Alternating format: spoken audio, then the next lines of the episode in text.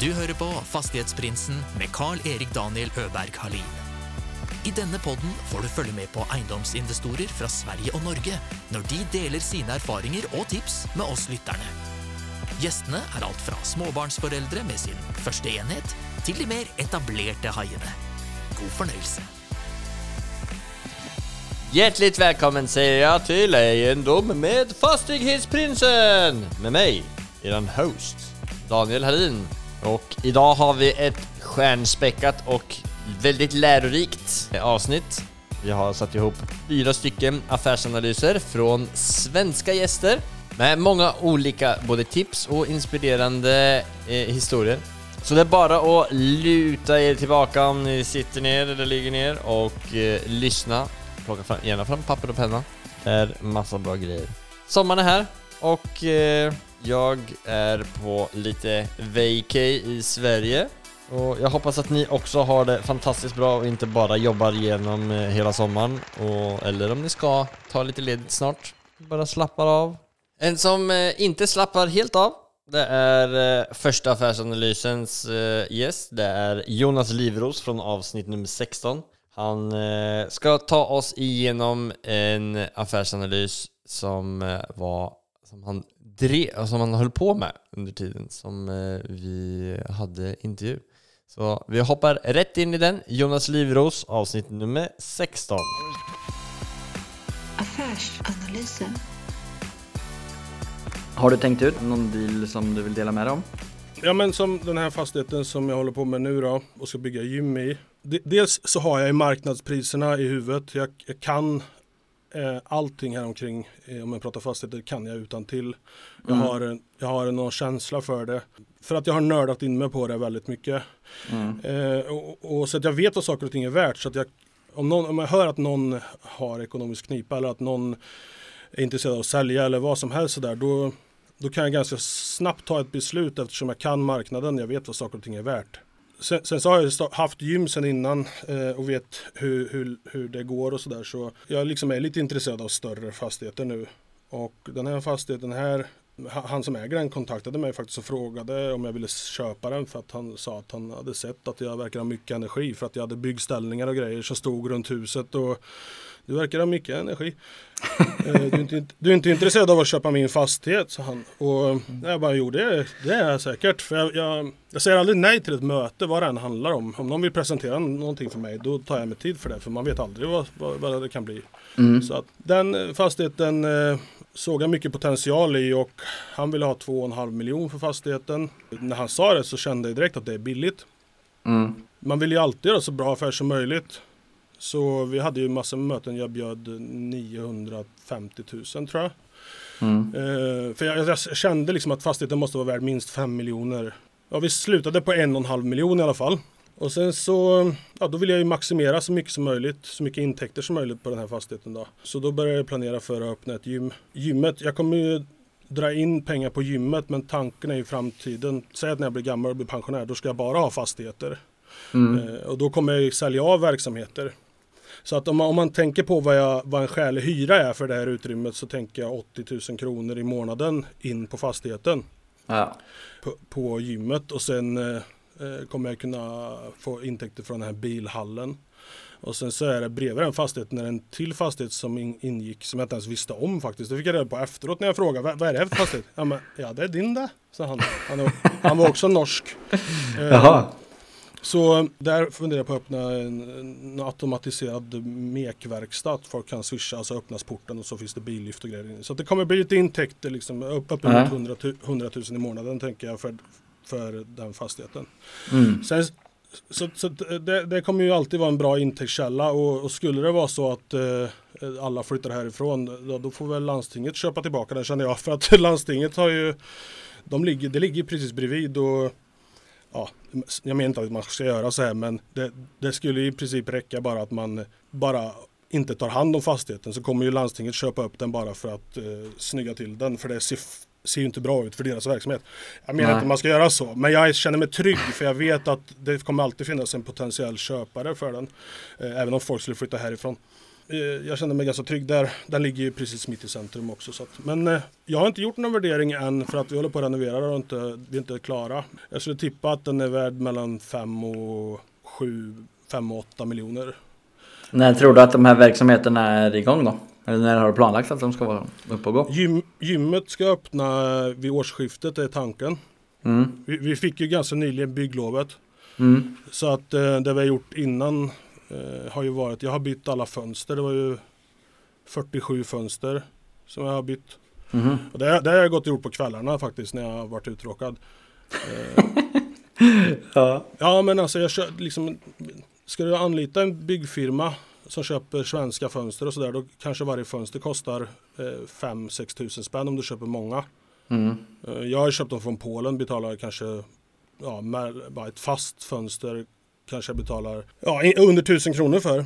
Och eh, öppningsbart liksom lite över tusen kronor. Och så satte jag in dem själv så ja, alltså jag, jag, jag sparar in eh, en halv miljon kronor minst. Liksom. Mm. Så det har jag gjort och sen så men nu fick vi bygglovet så då, nu är det ju full rulle där inne och börja måla och eh, bygga om planlösningen lite. Man måste ju handikappsanpassa allting så det måste ju finnas ramper och rullstolshissar och större bad, eh, vad ska man säga, badrum och sådär. då.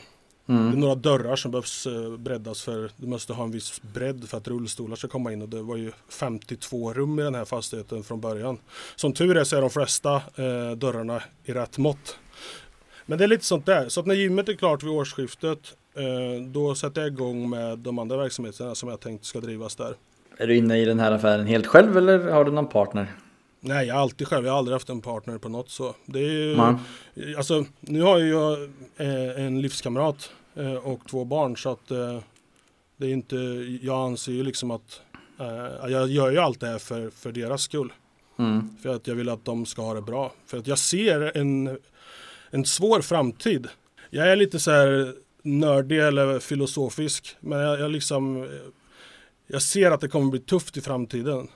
Jag ser Mm. attityden på unga människor. Och jag ser att de har ingen arbetsmoral. De har det väldigt gott. Egentligen alla runt om i samhället, alla i världen har det bättre nu än vad de någonsin har haft.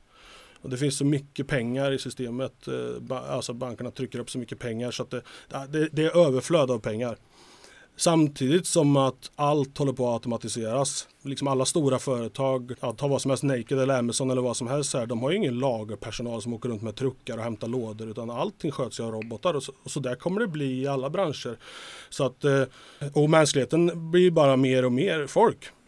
Så eh, vart ska folk jobba? Vad ska de syssla med? Det, det, jag ser eh, en otrygg framtid. Så det kanske låter omodernt men jag, jag, jag jobbar för min, mina barns skull och, och för min sambo. Om det skulle hända någonting då vill jag inte att de ska känna ekonomisk stress Nej. någon gång.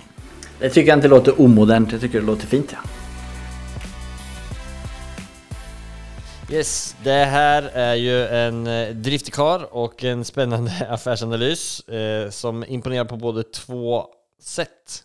Eh, insatsen som Jonas har lagt ner i det här är helt insane. Alltså han har ju typ gjort allting själv eh, under en eh, väldigt intensiv period om man följer honom på sociala medier. Och eh, det andra är ju det, det kreativa, det är ju det mest intressanta tycker jag här. Att, alltså hur man ser ett hus och inte tänker helt traditionellt med det vad man kan göra i det och hur man kan göra det.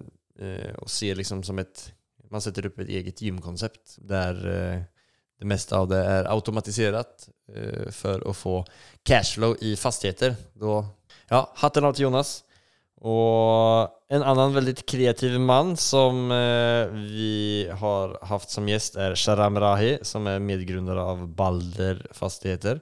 Och hans avsnitt finner ni i avsnitt nummer 36 och det är ett eh, väldigt eh, betydelsefullt avsnitt för mig faktiskt. Det betyder väldigt mycket för mig. Och lärde mig väldigt mycket också.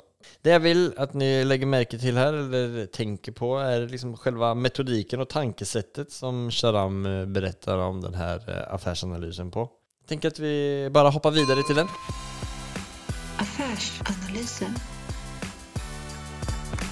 Ja, Ska jag, ska jag avslöja mina hemligheter här nu? ja det var det, det jag hade Är det- hoppats på. Är det det som är poängen med den här podden? Ja, alltså? och nu måste dessvärre Sharam åka till Stockholm. Nu så går tåget. Ja. Ehm, ja, Nu eh, kommer ju inte detta spontant då för alla Mm. lyssnare utan Daniel har ju förberett mig på detta så att jag har faktiskt tänkt igenom det här Mm. lite. Mm. För att eh, hade du ställt en fråga, alltså det, det, det- om man får en sån här fråga spontant Mm. Så kan man faktiskt inte svara på den spontant. Då hittar man bara på någonting som man kommer ihåg. Mm. Nu har jag grävt i mina Oj. minnen ja, Mm. och kommit fram till att eh, jag eh, har gjort, eller jag jobbar på ett visst sätt som egentligen kommer från en lyckad process som jag hade för många, många år sedan. Okej.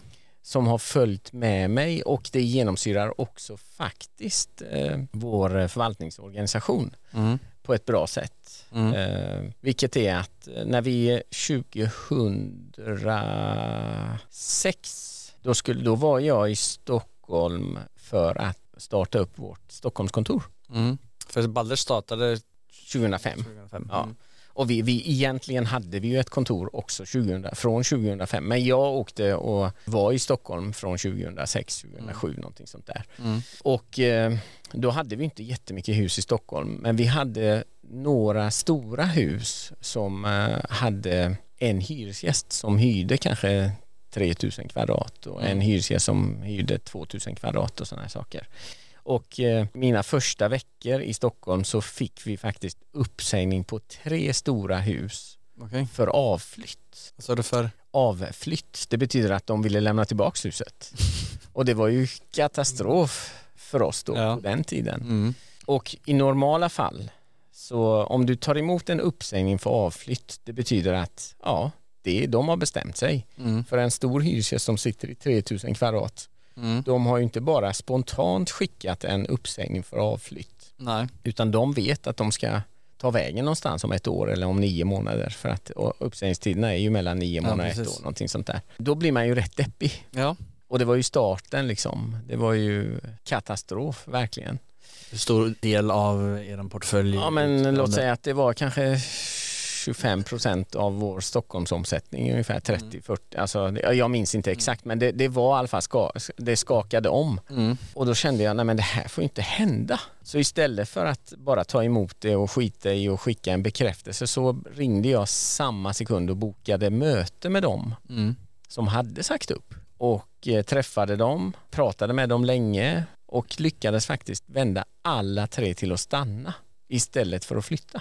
Okej. Vilket lärde mig, och det här är ju då någonting som har följt med mig att om man kommunicerar med människor, även om de har på papper bestämt sig för någonting, så är det ju väldigt bra om man ändå hör av sig och säger och ser om det finns en räddning, Mm. även ett beslut. Och eh, sen fick vi väldigt god relation med de här hyresgästerna och, och de blev kvar mycket längre än vad vi hade eh, trott Mm. också. Var det tre olika företag? Eller Det var tre olika företag, tre olika hus. Så att jag lärde mig att ja, men, det behöver inte vara kört när man tror att det är kört. Nej. Men det har med dig att göra, Ja. vad, hur du hanterar ett dåligt besked. Mm. Så jag lärde mig att dåliga besked är inte till för att sitta och deppa. Nej. Dåliga besked ger dig bränsle att kämpa. Mm. Det kräver ju såklart där och då att du också samlar kraft. Jag visste inte på riktigt. Det låter ju så nu när jag berättar att ja, jag samlade kraft Mm. hit och dit. Jag tänkte inte ens då. Jag Nej. fattade senare vad jag hade gjort. Mm. Så att eh, jag ska inte låta som en gammal farbror som ska lära folk hur de ska göra men jag förstod senare att oj, det här jag gjorde var ju faktiskt på riktigt något som är också olikt branschen. Ja. Eftersom jag inte är upplärd i branschen utan lärt mig själv Mm. så har ju jag gjort saker som inte är skrivet i förvaltningsböckerna. Nej, precis. Så man, jag har ju alltid tänkt, okej, problem, hur ska jag lösa det? Mm. Jag har ju ingen som har sagt att så här har man gjort innan. Nej. Vilket har varit en, eh, många gånger en positiv eh, Jag blir lite intresserad av hur du klarade av att få vänt tre stycken hyresgäster till att Ja, stanna kvar. nej men eh, den första jag mötte sa han, han det, det, den var faktiskt ändå ganska lätt för han sa att eh, egentligen så har vi ju inte velat flytta men vi behöver mer yta. Mm. Och så tänkte vi att ja, ja men eh, vi får väl flytta då till en större lokal eller till en större fastighet. Mm. Och exakt den perioden så hade ju en annan hyresgäst i samma hus sagt upp Mm. eh, mängder med ytor. Mm. Och då sa jag, hur mycket behöver ni? Och det matchade precis. så att det var liksom, tänk vilken flax jag Ja. hade att jag bara hörde av mig. Mm. Det var den första. Den andra var att eh, de hade sagt upp för avflytt för att receptionisten frös i receptionen. Okej. Eh, så enkelt var det faktiskt. Och de tyckte de hade dålig luft och de har klagat på det länge. Mm. Och det var ju bara att fixa det. Det var inte konstigare än så där heller. Och den, Vad svårt det kan vara att kommunicera för vissa. Ja, men det är det jag menar. eh, Resultatet att man säger upp sig. exakt. Ja men det kan ju också hända att de hade kommunicerat. Ja, Men att fram. kommunikation är ju tvåsidig. ja precis. Så att eh, det, det kan ju ha brustit i kommunikation Mm. åt något håll. Jag säger inte att det var de eller Mm. vi utan eh, något håll. Mm. Och den tredje var ju faktiskt också att de hade problem med fler parkeringsplatser. Och då gick jag till grannhuset och hyrde fler platser åt dem. Mm. Och då blev de också kvar. Så att, eh, Har det varit så lätt i efterhand också att stoppa uppsägningen? Eh, Ja, alltså både ja och nej. All, alla fall går inte. De tre som var avgörande, inte kanske avgörande på det sättet, men Mm. ganska viktiga, är jag glad att de var så lätt. Mm. Alltså att jag lärde mig någonting av det. Mm. Så det, det, det är mitt budskap till, om det nu är så att eh, total, ja, det lärde mig inte bara i fastighetsbranschen. Mm. Jag lärde mig av det att dåliga besked är inte katastrof. Mm. Man behöver bara landa och sen snabbt tänka. Mm. Vilket eh, har varit viktigt för mig, nyttigt för mig i livet totalt sett. Ja, men det var För det är väldigt lätt att man, tips. man eh, gräver ner sig med ett dåligt besked ju. Ja. För du frågade mig också förut, lever du i nuet? Mm. Det är en del av att lära sig att leva i nuet också. ja, men det var väldigt bra, bra läropoäng i, i den dealen. Att man eh, inte ska ge upp utan bara köra på och hur man hanterar saker och ting. Mm, Mm. precis. Ja. ja, men jättebra. Då hoppar vi vidare till vårt sista segment som heter Fyra frågor. Fyra snabba eller vil- vilket fotbollslag jag hejar på? Nej, sånt, eh, det här är inte den. Jag hade, jag hade sju frågor, sju snabba frågor som jag inte har hunnit ta. Men eh, Aha.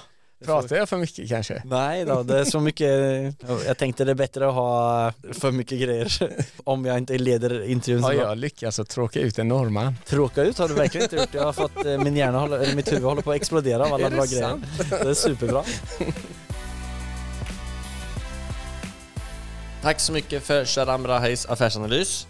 Och man blir lite så här mysig eh, av att lyssna på Saddam tycker jag. Eh, jag förstår nog att han klarade av att hitta en, liksom en mänsklig eh, relation och en bra möjlighet till att kanske nå fram till de här som hade sagt upp sig utan att de kanske tror, alltså, det är ju något missförstånd som har skett, eller de har ju säkert trott att ah, nu kommer in ett, ett nytt företag som inte kommer bry oss om oss. Eh, antar jag saker och ting, jag vet inte om det var så.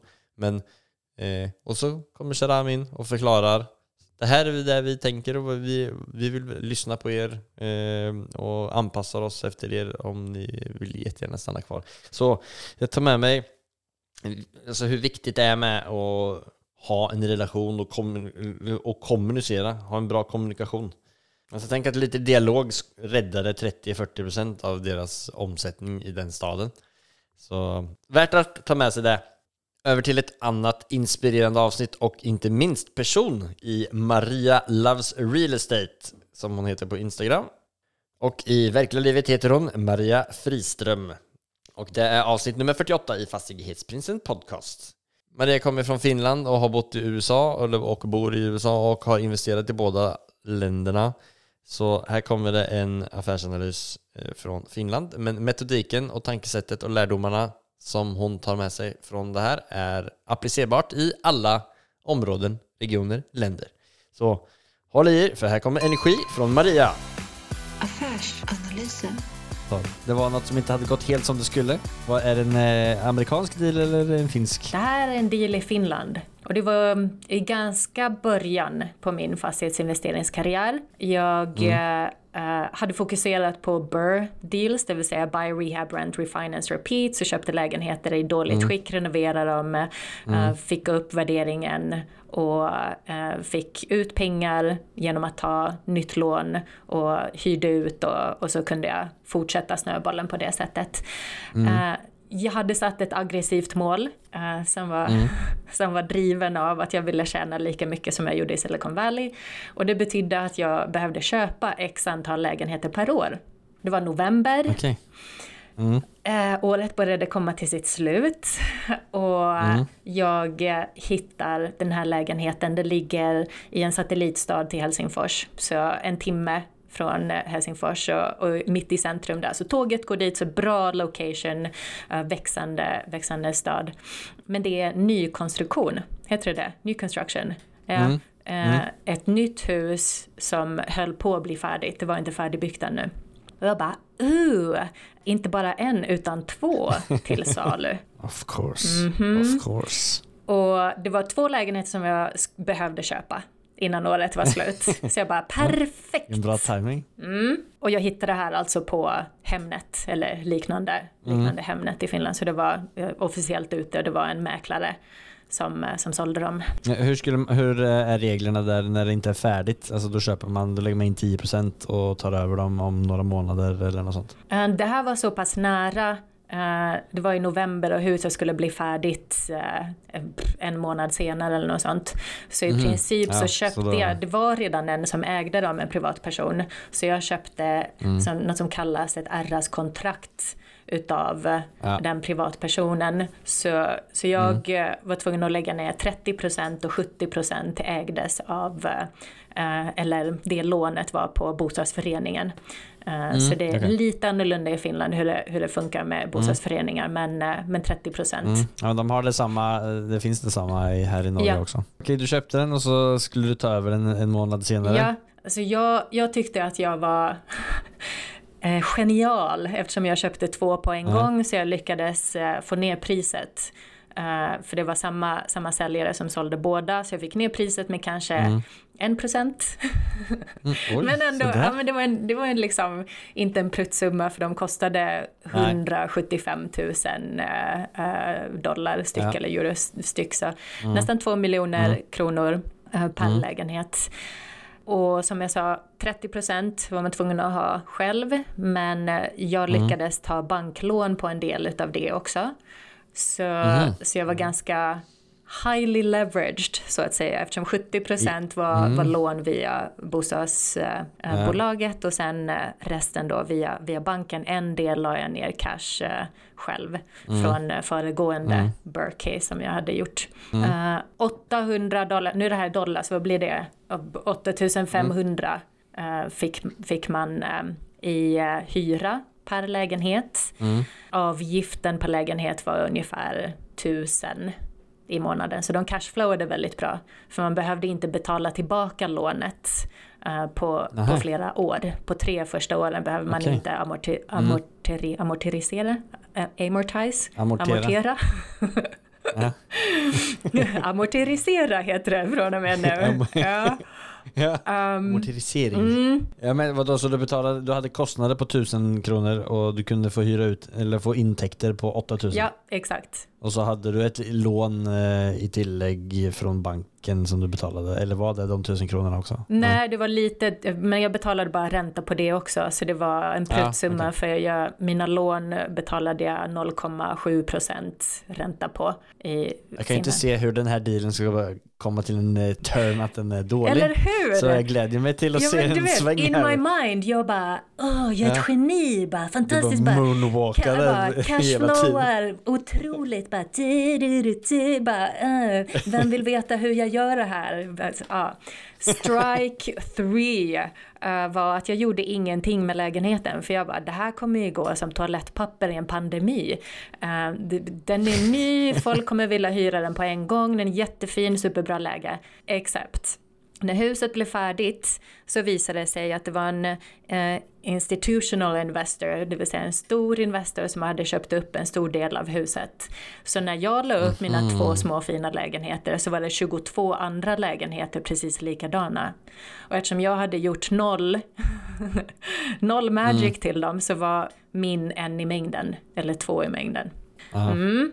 Så helt plötsligt så hade jag inte 8000 eh, gånger två i inkomst per Nej. lägenhet. Utan jag var så här, det, det kan hända att jag inte får de här uthyrda alls överhuvudtaget. För att det, det fanns Oj. liksom inte så stort demand. Mm. Vart låg den? Låg den centralt eller? Mm, den låg väl, eller de, ja, centralt precis vid tågstationen. Eh, Mm. så, så det var bra. Men det kom för många på en gång. Så demand var, inte, var inte så stort. Så det jag lärde mig var tre saker. Um, ett, håll dig till, till din strategi och dina köpkriterier. De här uppfyllde inte mina köpkriterier och var en, en avsväng från min strategi också.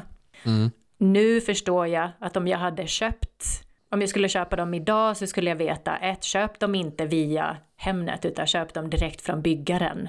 Eh, så kan, Och köp dem i ett team med andra investerare så du kan köpa en stor bunt och då kan du få till och med 10% rabatt och så postar min 1% som jag var så stolt över. Köp från, från nya hus som, som byggs av byggare som inte säljer till institutional investors och privata investors ur samma hus. Eh, Sådana finns det i Finland, jag vet inte om det finns i Sverige och Norge också, men ta reda på det. Det lärde jag mig nu också. Mm. Två, var rädd för dina mål. Jag hade ju satt ett mål som var baserat helt bara på ego och, och pengar och jag gjorde allt för att fylla målet versus att se framåt. Uh, do these fit my long term vision? You know? att ja, är, det här ja. faktiskt, kommer de här förändra mitt liv? Kommer de här föra mig framåt till det mål som jag har satt? Mm. Och nummer tre, being different pays off.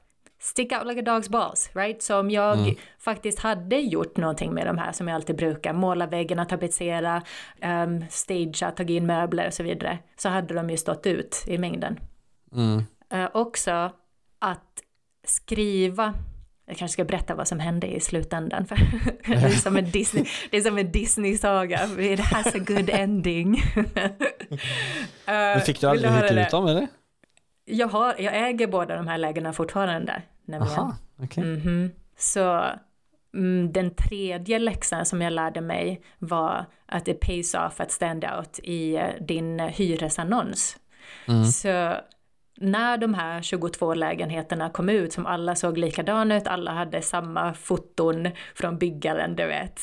Eh, så var jag den enda som hade en bild på mig och min familj i annonsen. Så här, hej, det är vi som äger den och eh, det här är, det här är vår, vårt motto, det här är våra värderingar och berättade om oss. Och, och helt plötsligt så blev det personligt. Ja. Och den första hyrde jag ut, eh, huset blev färdig första december och jag hyrde ut den den 15 december. Så den stod tom i två veckor. Och jag frågade, jag bara, Åh, Nico varför valde du vår lägenhet och inte en av de andra 20? För priset var detsamma, jag tror att vår kanske till och med var lite dyrare. Så sa han, jag försökte faktiskt hyra en av de andra men, men de eh, svarade inte när han ringde, för han kanske ringde på kvällen. Och han hade varit försökt att titta på en, men då hade de glömt nyckeln. För, för då är det bara Ja. någon som jobbar där, det är bara ett jobb. För, Ja. mig, för mig var det personligt. Ja. Så, Mm. eh, plus att han sa att, plus att jag valde er baserat på er annons. Mhm. Så man väljer liksom inte bara hem, utan man väljer även en hyres, Ja, ja precis. hyres vad, vad heter det, landlord. Mm. Så, Hyresvärd. Jag ska ja. väl sitta och försöka jag, jag sitter och jag sliter mellan svenska och norska termer eh, varje dag så det här, det blir ett bra avsnitt. Bra hodgepodge. Ja. Ja. Men eh, det där eh, är väl inte, det kan väl inte vara en dålig deal så här i efterhand eller? Eh, alltså, så du här- lärde ju dig massor av det men du, den Ja. måste ju ha ökat massor i värde och Nico betalade 8000 till, till slut ändå. Ja, okej, bra poäng. Eh, så ofta när man gör så kallade misstag, mina barn tittar på ett program här som heter eh, Ada Twist som handlar om en liten scientist-tjej. Och, och hon brukar säga, min, min son kom till mig häromdagen, han var mamma, mamma, det, det finns liksom inga misstag, misstag utan det är bara ett experiment. Och jag bara, okej, eh, du är sex år och kan redan, jag har, det har tagit 40 år för mig att lära mig det där. Så på något sätt att det är bara data man får och sist och slutligen även om de hade stått tomma ett tag så hade det varit okej. Eh, jag köpte dem delvis för eh, att jag kunde göra ganska bra avdrag på skatt för dem och det har jag fortfarande kunnat göra. Så se till hela portföljen och inte bara enstaka grejer. Så, så Men i på vilket sätt kunde du dagsläget göra bra eh, avdrag på skatt? i Finland så får man göra avdrag, det man betalar eh, på lån, till och med amorteringen som du betalar på ett lån som står på bostadsbolaget istället för på dig privat får du göra avdrag för. Amorteringen också? amorteringen också. Så att, att jag amorterar på den, vad blir det nu, amorteringen ligger väl kanske på 5-6 tusen i månaden per Mm. lägenhet. Så det får jag göra avdrag på min, mina Så hyresinkomster som jag annars skulle behöva betala 34% skatt Ja. på. Så, helt så det är en eh, tax optimization eh, Mm. teknik. De pratar om att ta bort det så det finns risk om att det försvinner men I Norge så finns det ju väldigt fördom, förmånliga regler med om du hyr ut för exempel i, i, min, i min villa då, så om jag har en lägenhet i den eh, och, och den är eh, under 49% av arealet i eh, huset så om jag hyr ut den för 25 000 så behöver jag inte betala skatt på det. Det är en bra eh, Wow. regel. Sådana regler, det finns väl några sådana regler i Sverige men eh, ja. Sverige, Sverige har lite att hämta på både Norge och Finland låter det som. Mm. Ja, whole nother topic Ja. for another Ja, men- time. Men på något sätt så, jag tror det jag vill säga med det är att uh, var lite clever och gå in på, på sådana um, uh, små saker och gika in dig så kan en deal som till synes ser katastrofal ut så kan den faktiskt se helt okej ut. Eh, och det är väl sådana saker som man också kan lära sig av att hänga med andra investerare som har gjort de här misstagen som jag gjorde, som jag nu vet. Eh, I dagsläget så hade jag kanske inte köpt dem igen. De har inte gått upp så mycket i värde. Ah, okej. Utan för att svara på din äldre, din äldre fråga, din, din fråga förut, vad jag skulle ha gjort annorlunda eller om jag hade 500 000 nu, så tror jag att jag, jag hade kanske lite aggressivare gått in och, och köpt den största möjliga dealen som jag kunde vid det tillfället också. Och frågat mig, kommer den här dealen förändra mitt liv? Ja. Hittar man den dealen? Ja, jag tror, jag tror att det finns sådana deals. Eh, I alla fall ta dig liksom ett steg i den riktningen. Märkbart. Mm, ja, ja, du menar så. Ja, att den är al- alignad med din, Ja, din långsiktiga strategi. Mm. ja. Ja men grymt. Tack för, tack för att du delade med dig om eh, de fina två lägenheterna. Ja. Det är, alltså man blir ju helt upprymd av Marias eh, energi. Man, eh, ja, man klarar knappt av att sitta still, men gud vad bra hon är. Tack så mycket för den här affärsanalysen som ni hittar hela avsnittet i avsnitt nummer 48. Och det är eh, bra punkter Maria tar upp här och inte minst lärdomarna som hon eh, tar med sig utifrån den här situationen. Det är att liksom the big different pays off, vara, vara kreativ. Det var egentligen det som gjorde att hon till slut fick uthyrt den. Och en annan man som är väldigt kreativ är avsnitt nummer 72s Keivan Horsmand som eh, delar med sig av, en, av affärsanalysen här nu sist. Han tar igenom sig en av de första dealsen som han gjorde och det blir en hel del finansiering men metodiken här måste ni förstå. Så spola igenom tillbaka om ni inte förstår det första gången. Vi hoppar över till Keivan nu. Affärsanalysen. Jag kan väl ta och lyfta en transaktion som jag tyckte var lite unik. Eh, som också blev eh, någon form av nytt proof of concept att jag aldrig trott att det går men det gick. Så det var ett förvärv vi gjorde av eh, fyra stycken vårdfastigheter. Eh, där vi innan förvärvet eh, gjorde vissa justeringar på hyresavtalet så att vi hade en dialog med, med säljarna och vi hade en dialog med hyresgästerna. Så att när vi tillträdde fastigheterna så hade vi lite bättre hyresavtal och därmed lite högre värde. Okej, vänta. Hur, hur eh, fick ni liksom mandat till att gå in och säga hej, vi ska bli den nya ägare av fastigheten? Vill ni vara kvar så, så är det de här hyrorna som gäller. Nej, så, så enkelt var det inte utan det var mer att eh, vi ska köpa fastigheten, vi, vi ser att det finns vissa underhållsbehov av fastigheten. Ja. Eh, om ni vill så kan vi genomföra dessa underhållsbehov eh, i dag ett. Mm. Men eh, då ser vi gärna att vi gör vissa justeringar på hyresavtalet. Ja. Vill ni det? Eh, om inte så kör vi på som vanligt. Ja, Och då, det ville de och eh, hyresavtalet blev eh, mycket bättre än väntat och värdet blev mycket högre än väntat. Mm. Så att differensen mellan vad värdet var och vad vi köpte för blev väldigt stort. ja. Eh, och sen när jag skulle då finansiera den här affären eh, så eh, vi köpte fastigheterna för X Mm. men jag fick lån baserat på vad värdet var. Och det Okej, slutade... för, oavsett vilken size det är då, vi säger vi leker med jämna tal då. Du köpte den för 10. Och jag fick låna 20. Hur mycket renoveringskostnader skulle du ha eh, på den? Nej, det var, det, det, det, det var inom ramen av 10. Eh, Så att det, det blev, eh, sen är det såklart, det är ganska hög risk att göra så Ja. såklart. För att det, det betyder ju inte att jag gör en, en vinst utan det betyder ju bara att jag får väldigt mycket högre lån. Men å andra sidan så hade jag en till affär vi tittade på parallellt som vi skulle skjuta in pengar på men då, då kunde jag använda ganska billigt kapital till att förvärva den.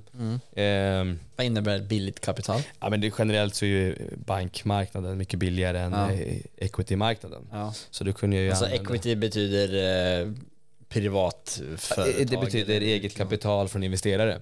Så att ege- investerarna har ju då högre avkastningskrav just för att de har inga säkerheter och Nej. banker har eh, lägre avkastningskrav för de har ju säkerheter i fastighetspant och Mm. annat. Alltså eh, betyder det att när man lånar ut till eh, equity-företag så tar de inte eh, säkerhet eller får man inte ta säkerhet eller får de inte ta säkerhet? men, eller hur fungerar det? nej men precis, att när man pratar om equity så pratar man ju om att det är en investerare Mm. som, som skjuter in kapital.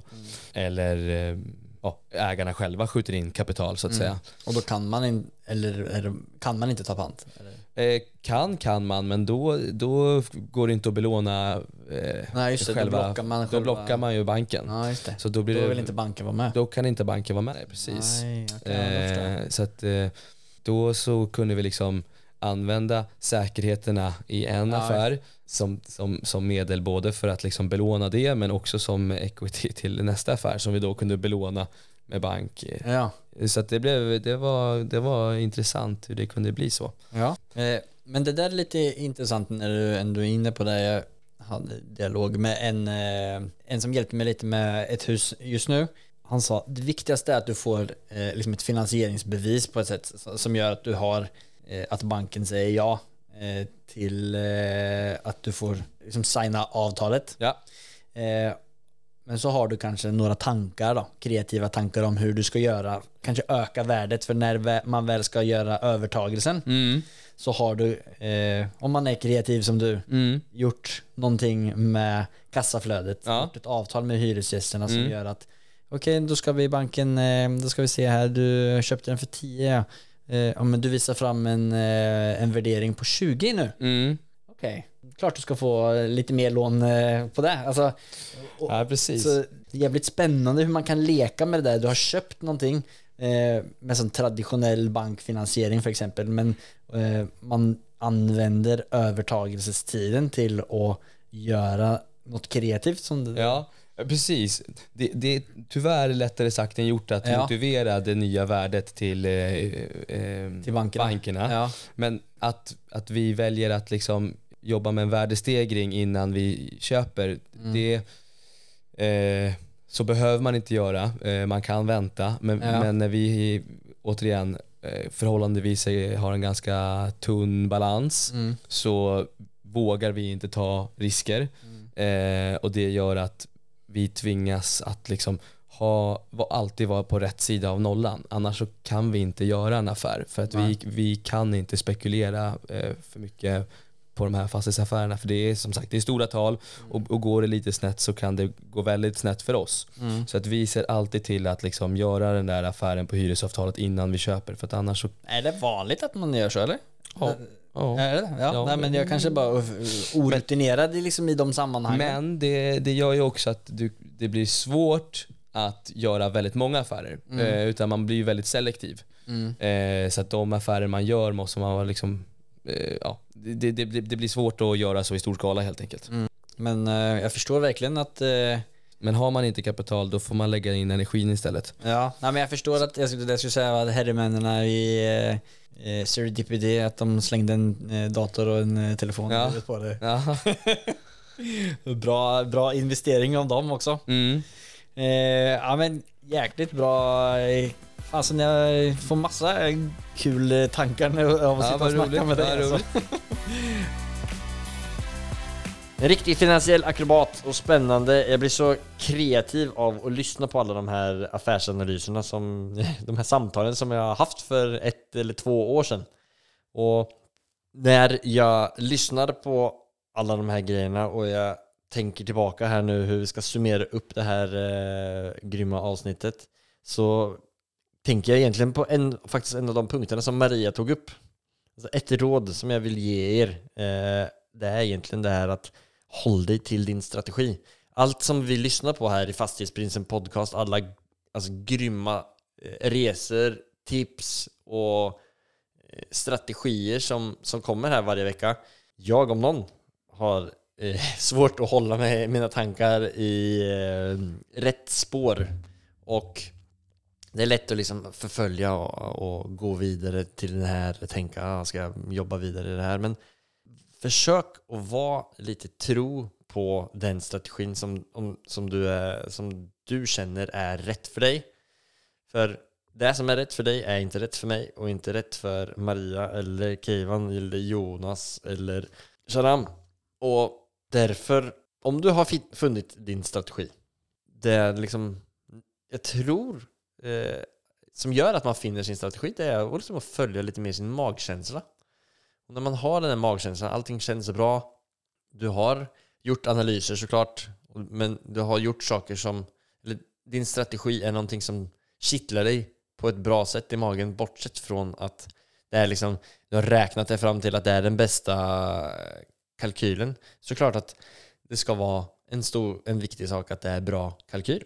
Men eh, det är eh, det är viktigt att göra saker som man trivs med och tycker är kul. Och man, man, fastighetsbranschen är ju någonting som inte går över, som inte är en dagsresa utan det är ju ett långt projekt och bli bra i det. Så då är det viktigt att, som med allt, att man gör någonting som är riktigt kul. Så ta alla de här tipsen och tricksen och inspirationen och strategierna och applicera dem in i det som du tycker om att göra. Om du är en, eh, om du ska bli en stor uthyrningshaj, det var ett fint ord, men eh, så liksom, ta Keivans eh, finansieringsstrategier som han snackar om och applicera dem i köpsmomentet. Men så ta liksom strategierna från Sharam, hur han förhandlar med folk, eh, eller hur, hur han tänker runt omkring det här med när någon får ger ett, eh, ett eh, tråkigt eh, besked. Hur, hur ska du hantera det? Ta Jonas kreativitet och Marias kreativitet och Keivans kreativitet i deras strategier och se om du kan applicera dem in i ditt. Det är ett bra tips till dig som jag själv tar med mig. Och ska använda sommaren på att finjustera min eh, långsiktiga plan och där också min kortsiktiga plan och vad som är viktigast. För, ska säga att just nu har det varit väldigt mycket på våran tallrik och eh, det ska bli väldigt skönt med en liten semester i Stockholms skärgård och så har du lust att mötas så är det bara att följa oss vart vi är så sitter vi säkert och äter en glass någonstans. Tack så jättemycket för att du har lyssnat idag också och att ni följer med oss på Instagram på Fastighetsprinsen och alla personer som har varit med idag länkar vi till deras avsnitt i beskrivningen och deras sociala mediekonton som eh, de använder där ni kan finna ännu mer inspirerande Eh, tips och tricks på vad de håller på med idag. Och det var alltså Keivan Horsman i avsnitt nummer 70 72 och det var Maria Friström, Maria Loves Real Estate som hon heter på Instagram i avsnitt nummer 48 och Sharam Rahi Balder Fastigheter i avsnitt nummer 36 och Jonas Livros i avsnitt nummer 16 som vi har lyssnat på idag. Tack så jättemycket, puss och kram, ha det!